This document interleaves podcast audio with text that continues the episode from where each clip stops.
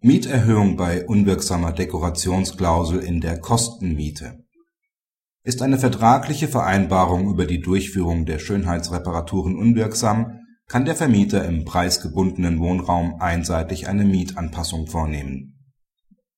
Die Renovierungsklausel im Mietvertrag über preisgebundenen Wohnraum ist im Hinblick auf die einschlägige Rechtsprechung des BGH unwirksam der Vermieter verlangt, nachdem eine Einigung über eine Vertragsanpassung nicht zustande kommt, ein erhöhtes Entgelt, um die zu erwartenden Kosten zu kompensieren.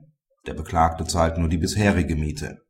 Der BGH klärt, dass der Vermieter nach § 28 Absatz 4 der zweiten Berechnungsverordnung in Verbindung mit den wohnungsbindungsrechtlichen Vorschriften die Miete einseitig anheben darf. Da die Klausel hinsichtlich der Durchführung der Schönheitsreparaturen unwirksam ist müssen diese vom Vermieter getragen werden.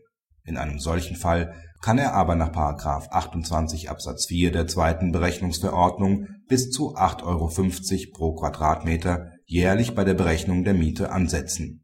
Dieses Recht kann über eine einseitige Erklärung umgesetzt werden.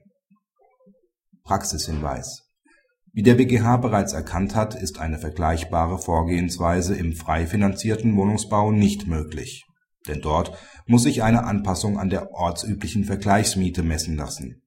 Bei der im preisgebundenen Wohnraum vorherrschenden Kostenmiete spielen die Gesichtspunkte der Marktakzeptanz keine Rolle. Es ist eine Kostenmiete gegeben, die die tatsächlichen Aufwendungen kompensieren soll